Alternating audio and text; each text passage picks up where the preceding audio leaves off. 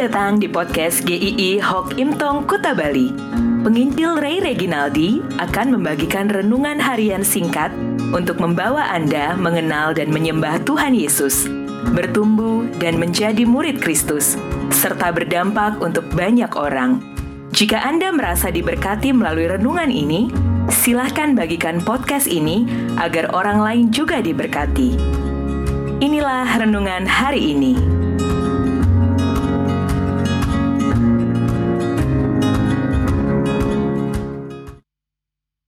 Hati yang lapang. Amsal 29 ayat 23. Keangkuhan merendahkan orang, tetapi orang yang rendah hati menerima pujian. Kadang-kadang di media massa kita mendengar berita-berita yang mengejutkan. Ada suami membunuh istrinya, ada anak memukuli ibu kandungnya, dan lain-lain. Yang lebih mengejutkan adalah alasan melakukannya kadang tampak sepele. Bahwa ada omongan yang tidak enak atau teguran-teguran yang melukai hati. Bahkan ada juga yang sudah salah tetapi tidak terima apabila ditegur. Ini aneh juga. Apakah Anda pernah ditegur atas kesalahan Anda? Apa respon Anda? Mungkin ada yang ya, ya ketika kita ditegur, tetapi di dalam hati tidak terima, marah. Namun, jika kita mengerti kita salah dan seseorang menegur di dalam kasih, itu adalah hal yang indah untuk melihat diri kita kembali mengkoreksinya.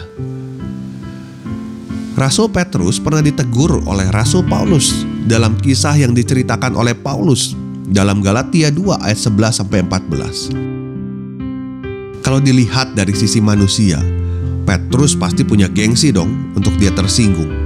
Petrus ditegur di muka umum karena memang perlu seperti itu dalam konteks itu. Dan kisah buruknya juga diekspos ke jemaat lain. Dijadikan contoh bahwa ini contoh yang jangan ditiru dari sisi jabatan, Petrus bisa merasa kalau dirinya adalah lebih senior daripada Rasul Paulus. Dia menjadi murid Yesus lebih dahulu dibandingkan Paulus. Tetapi bagaimana respon Petrus ketika ditegur oleh Rasul Paulus? Apakah dia sakit hati? Apakah dia dendam terhadap Paulus? Oh iya, Petrus itu ditegur karena Petrus itu pada saat itu ada orang-orang non-Yahudi makan, dan tadinya dia makan bersama-sama dengan mereka. Tetapi ketika ada orang-orang Yahudi datang, dia mengasingkan diri dari situ, sehingga itu membuat orang-orang percaya sebagai satu tubuh Kristus itu bisa menjadi terbelah, bisa menjadi pecah. Itulah inti masalahnya. Nah, kembali, apakah respon dari Petrus ketika dia ditegur oleh Paulus. Kita bisa belajar hal yang indah dari Rasul Petrus. Dia memang pernah melakukan kesalahan dan ditegur, tetapi sikapnya patut diacungi jempol. Dalam 2 Petrus 3 ayat 15 sampai 16, dia berkata, "Seperti juga Paulus, saudara kita yang kekasih, telah menulis kepadamu menurut hikmat yang dikaruniakan kepadanya. Hal itu dibuatnya dalam semua suratnya. Petrus menyebut Paulus sebagai saudara yang kekasih dan menekankan bahwa surat-surat Paulus itu penting. Di sisi lain dalam surat-suratnya ataupun tindakannya dalam kisah Galatia 2 itu, Petrus tidak membenarkan dirinya. Dia pasti mengerti akan kesalahannya dan dia juga mengerti akan anugerah Allah serta dia tidak sakit hati kepada Paulus karena semua yang Paulus lakukan adalah untuk Injil. Maka dia tidak mengatakan, "Oh ya, ada surat-suratnya yang menyakitkan, yang salah tidak," tetapi dikatakan dalam hikmat yang dikaruniakan kepadanya. Dia menulis surat-surat itu. Petrus memang tidak sempurna, dia pernah melakukan kesalahan-kesalahan, baik dari perkataannya dan perbuatannya tetapi dia punya hati yang lapang. ketika dia ditegur baik oleh gurunya yaitu Tuhan Yesus maupun oleh koleganya Rasul Paulus.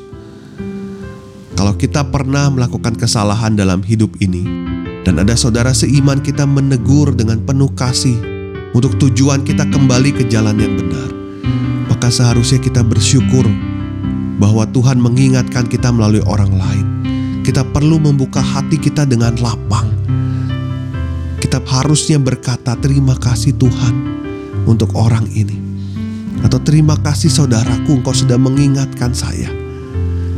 Kita perlu belajar dari Petrus bahwa kita memang bukan orang yang sempurna, kita bisa salah.